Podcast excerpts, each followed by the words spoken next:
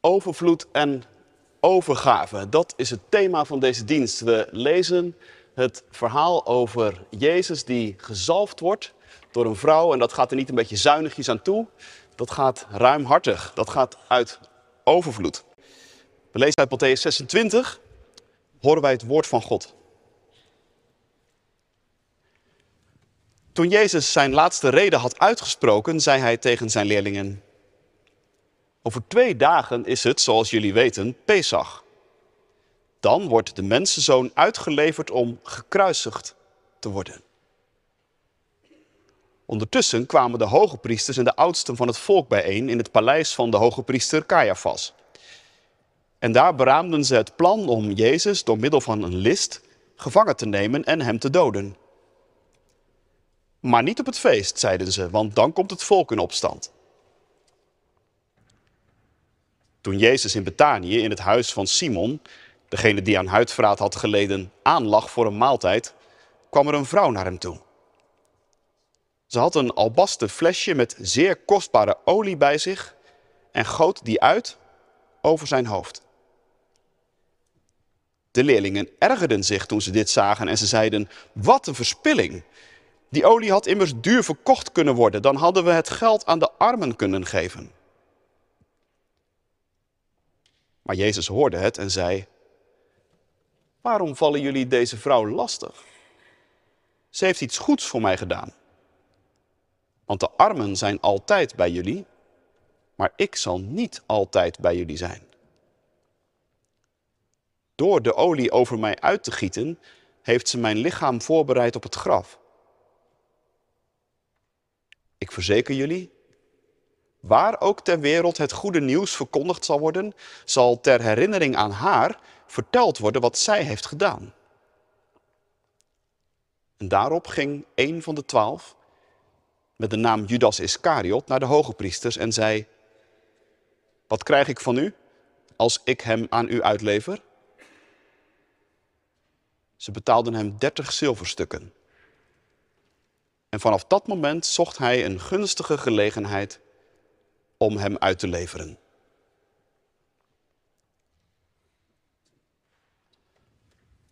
Tot zover de lezing van deze dag. Dit is het woord van God, gemeente, voor jou, voor u, voor mij. Gelukkig zijn we als we dat woord horen, bewaren in ons hart en eruit leven. Halleluja. Amen. Gemeente van Christus, broeders en zusters hier in de kerk of op afstand met ons verbonden. Ze doet het, stamelt Johannes. Ze doet het echt, Petrus, moet je zien. Ik zie het, zegt Petrus. Ze is gek, hartstikke gek. Ik zeg je, Johannes, ze is compleet de weg kwijt. Het is doodstil geworden in de zaal. En met stijgende verbazing, wijd open ogen en ingehouden adem kijken alle leerlingen toe. Er is een vrouw binnengekomen. Doelbewust is ze op Jezus afgelopen. En onder haar kleren haalt ze een fles vandaan. Dure fles. Dat ziet Petrus meteen. Met zo'n zo'n lange, dunne hals. Daar zal vast parfum in zitten, zalfolie. Moet je heel zuinig mee zijn. Maar in plaats van heel voorzichtig het dopje eraf te halen en een paar druppels zo te laten vallen, pakt de vrouw die fles met twee handen stevig beet. Ze zal toch niet, schrikt Johannes, maar ze zal wel. En ze zet haar knie tussen twee handen en krak, daar klikt het. En de hele inhoud gaat in één keer over Jezus hoofd. Petrus knijpt zijn ogen dicht en kijkt de andere kant uit. Ze is echt gek geworden, Johannes. Hartstikke gek.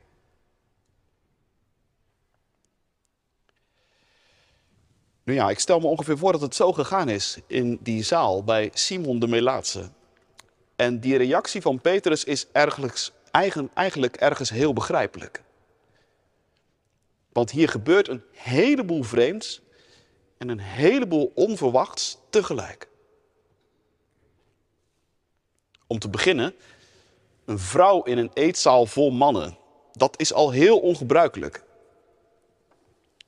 Maar blijkbaar kent deze vrouw Jezus, want ze gaat rechtstreeks op hem af. Misschien is ze ooit door hem geholpen of genezen. In ieder geval is ze geraakt door wie hij is. Door zijn daden, door zijn woorden.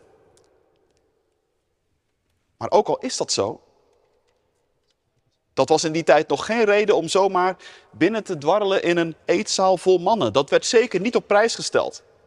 Maaltijden zoals deze waren typische mannenzaken.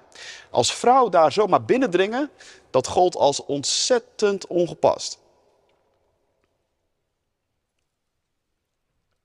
En dan die dure fles die zomaar ineens onder haar kleren vandaan komt. Waar heeft ze die vandaan? Lang niet iedereen kan zoiets betalen. En, en je weet jongens en meiden hoe het gaat als iemand ineens zomaar met iets heel opvallends voor de dag komt. Ineens met een grote, dure auto komt voorrijden. Of de nieuwste telefoon of een of andere andere gadget zomaar aan je laat zien.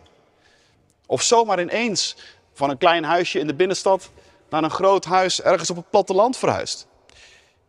Je zegt het dan natuurlijk niet hardop, maar je trekt wel je wenkbrauwen. Je kijkt een beetje argwanend en je denkt er zo het jouwe van. Jongen, waar doet hij het allemaal van? Of, ik wist niet dat ze zoveel verdiende. Ja, en was het dan wat die fles betreft daar nog maar bij gebleven? Had die vrouw nu maar gewoon twee stilletjes, misschien drie, vier druppels over Jezus voeten gesprenkeld om daarna weer geruisloos de zaal te verlaten? Maar nee. Tot ieders afgrijzen hoor je midden in die doodstille zaal ineens krak. En het dunne glas van de fles breekt en niet zomaar twee of drie of vier druppels, maar gewoon een halve liter gaat over Jezus hoofd. Een vrouw die zomaar in het openbaar een mannenhoofd aanraakt en dan zo'n fles in stukken gebroken. Wat moet je daar nu allemaal van denken? Nou, de leerlingen weten het wel. Hun afgrijzen maakt al heel snel plaats voor verontwaardiging. En ze hebben hun oordeel al klaar. Wat hier gebeurt is pure verkwisting, niks anders. Totaal onverantwoord om zo'n kruik, krak, in twee stukken te breken. En om zoveel zalf tegelijk te verspillen. Echt zo jammer dat het niet meer ongedaan te maken is. De kruik is gebroken. En die zalf, die druipt zomaar van Jezus hoofd op de grond. Terwijl er zoveel moois mee gedaan had kunnen worden. Je had het kunnen verkopen, mens, bijt een van de leerlingen de vrouw toe. Je wil niet weten hoeveel armoede je met dit geld had kunnen bestrijden. Ook daar hebben de leerlingen beslist een punt. De zalf had, schrijft Matthäus, duur verkocht kunnen worden. Marcus vertelt erbij voor hoeveel? 300 penningen. En als je even bedenkt dat een gemiddelde arbeidskracht één penning per dag verdiende, dan gaat het hier dus gewoon om een jaarsalaris. Bedenk eens even hoeveel hongerige monden je daarvan had kunnen voeden.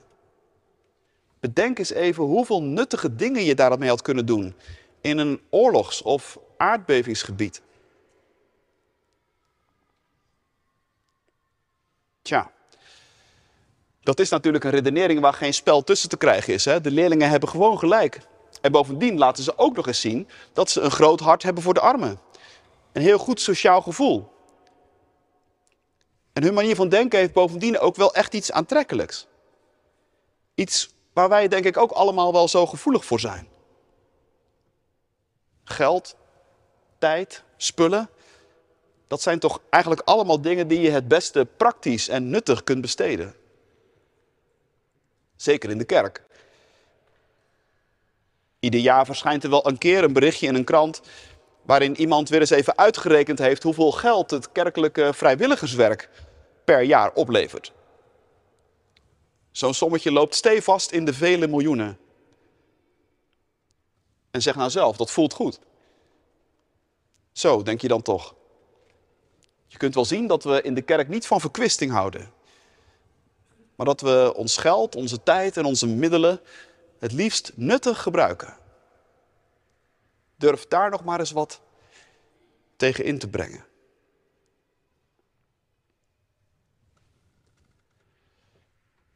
Maar toch durft Jezus dat. Hij durft het aan om deze logische, sympathieke, aantrekkelijke manier van denken van de leerlingen ter discussie te stellen.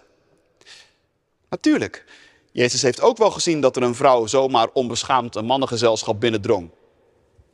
Hij heeft ook wel gezien en gevoeld wat ze deed met die fles en met die zalf.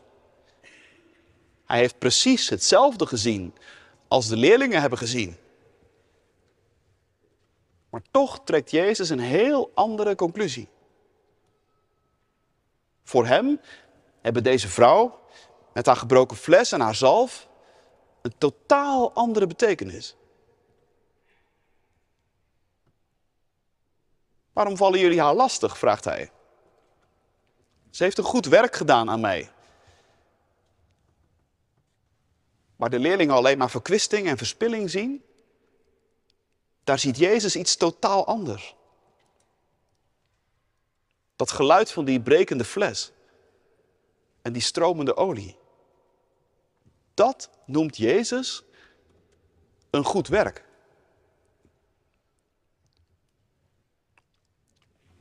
Hoe kan dat nou, denk je jongens en meiden? Hoe kan Jezus nou de verspilling van al die kostbare euro's, waar zoveel goeds mee had kunnen gebeuren, hoe kan Jezus dat nou een goed werk noemen?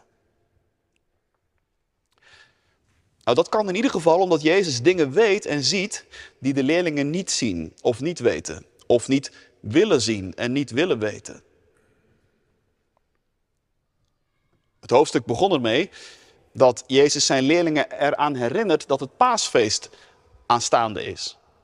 En dat op dat feest de mensenzoon, Jezus dus, overgeleverd zal worden om gekruisigd te worden. Maar als Jezus dat zware nieuws gedropt heeft, lees je helemaal niet dat de leerlingen erop reageren. Hoorden ze hem niet? Wilden ze het niet horen?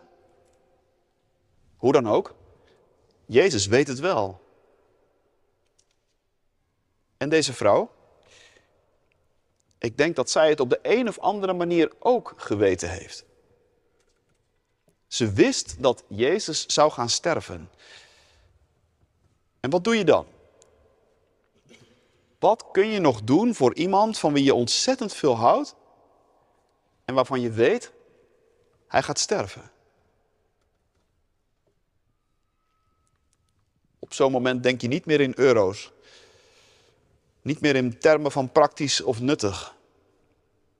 Dan wil je alleen nog maar heel dicht bij diegene zijn. En nog één keer, misschien wel voor het laatst, je liefde tonen. Toch? En dat doet deze vrouw. Daarom gaat ze dwars door alle gebruikelijke codes heen. En die opening van die fles die is veel te nauw en veel te klein om haar liefde tot Jezus uit te drukken. Die liefde moet niet een beetje druppelen, maar die moet stromen. En daarom moet die fles krak gebroken worden. En Jezus noemt dat dus een goed werk. Hij ziet in deze vrouw en in alles wat zij doet iets van God. In het stromen van de olie ziet Jezus het stromen van Gods liefde. En net zoals die olie stroomt, niet karig, maar gul en overvloedig, zo stroomt Gods liefde.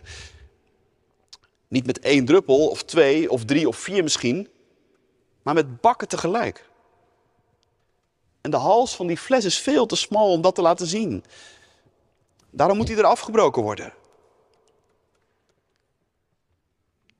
En in het breken van die fles hoort Jezus denk ik ook het breken van zijn eigen lichaam. Want net zoals die fles in de handen van deze vrouw gebroken wordt, zo zal Jezus zelf worden gebroken. Zo overvloedig is Gods liefde. Dat Jezus niet aarzelt om zichzelf tot in de dood aan ons te geven. zich te laten breken. Om het voor eens en voor altijd aan onze wereld duidelijk te maken. Ik heb je lief.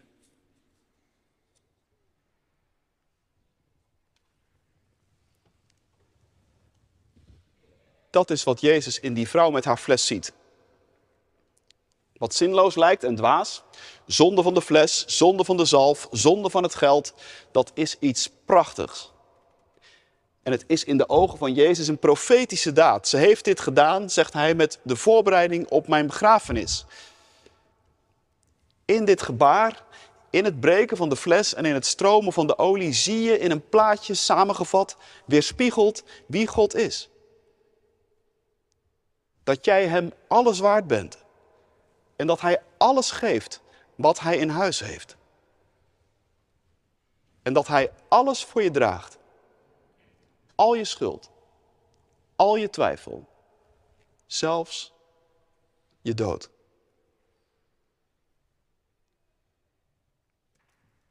Het is een daad van liefde en aanbidding. Want als je zelf eenmaal een keer gemerkt hebt dat Jezus van onschatbare waarde voor je is, dan denk je niet meer aan wat iets kost. Dan wil je toch ook alles geven wat je in huis hebt. En liefde rekent toch niet? Als je van iemand houdt, dan denk je toch niet meer in termen van nuttig en praktisch. Dan keer je niet elke euro twee keer om. Liefde is overvloed. Liefde heeft iets dwaas. Maar het is wel een heilige dwaasheid. Liefde heeft iets verspillends. Maar het is wel heilige verspilling.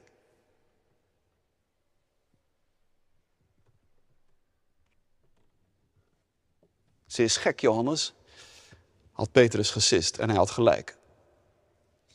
Deze vrouw is ook een beetje gek. Zoiets doe je niet als je nuchter nadenkt. Maar het is een soort heilige gekte.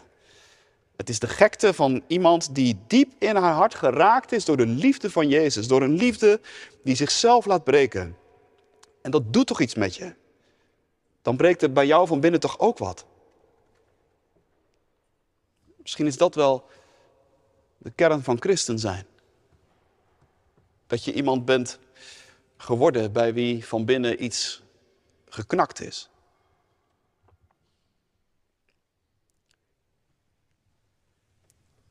Ik moest weer eens denken aan die bekende zin uit het liedje van Leonard Cohen. There is a crack in everything. That's how the light gets in. Er zit een krak in alle dingen. Maar die krak, dat is precies de spleet waardoor het licht van God naar binnen valt. En dat is precies waar God op uit is. Dat zijn licht schijnt in je leven. En dat jij en ik de dingen gaan zien zoals Hij ze al lang ziet. Dat wij de dingen gaan beleven zoals Hij ze al lang beleeft. En om dat te laten gebeuren, wil de liefde van Christus iets breken bij je van binnen. De gedachte bijvoorbeeld dat alles in geld uit te drukken is. De gedachte bijvoorbeeld dat alles te koop is. En dat de economie altijd al onze vragen beantwoordt. De liefde van Christus wil de gedachte in ons breken dat alleen die dingen belangrijk zijn die praktisch zijn en nuttig en tastbaar. De liefde van Christus wil ook de angst in ons breken. De reserve die ons zo zuinigjes maakt vaak in onze liefde tot God. En die het zo vaak voor elkaar krijgt dat je je nooit echt helemaal voluit aan Christus durft te geven. Maar dat je altijd iets toch achter de hand houdt. Een beetje blijft deinzen. De liefde van Christus wil onze hoogmoed breken en onze trots. De liefde van Christus wil uiteindelijk de Judas in ons genezen. De Judas die altijd weer op de kop opsteekt en altijd vraagt: What's in for me? Wat heb ik eraan? Wat kunnen jullie mij geven? Hoor je het? Als ik Jezus aan jullie uitlever. En die je dan nog net even 30 miserige zilverstukjes uitsleept. Je proeft toch meteen het hemelsbrede verschil tussen Judas en deze vrouw.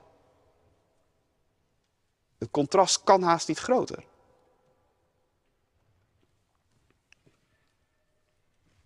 De liefde van Christus wil een heilige dwaas van ons maken. Iemand die zich er niet meer voor schaamt om in de ogen van de wereld volstrekt onnuttige dingen te doen. Een heilige dwaas die misschien wel met vreugde en pretlichtjes zijn tijd verspilt aan zoiets onnuttigs als een kerkdienst op zondagmorgen.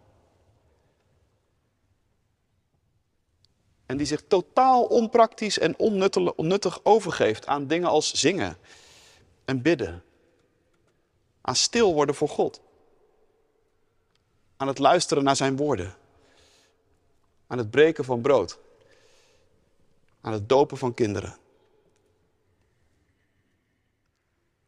Stuk voor stuk allemaal dingen waarvan anderen misschien zeggen, en waarvan de Judas in jou ook telkens het zegt, had je die tijd niet beter kunnen gebruiken? Had je dat niet beter anders kunnen doen? Je had ook armen kunnen helpen, je had een heleboel nuttig en praktisch werk kunnen doen. Maar waarvan Jezus dan zegt, wacht even. Dit, dit is het goede en nuttige werk. Want hier zie ik iets van mijn eigen overvloed en mijn eigen overgave. Van een liefde die alleen maar voort kan komen uit een gebroken hart.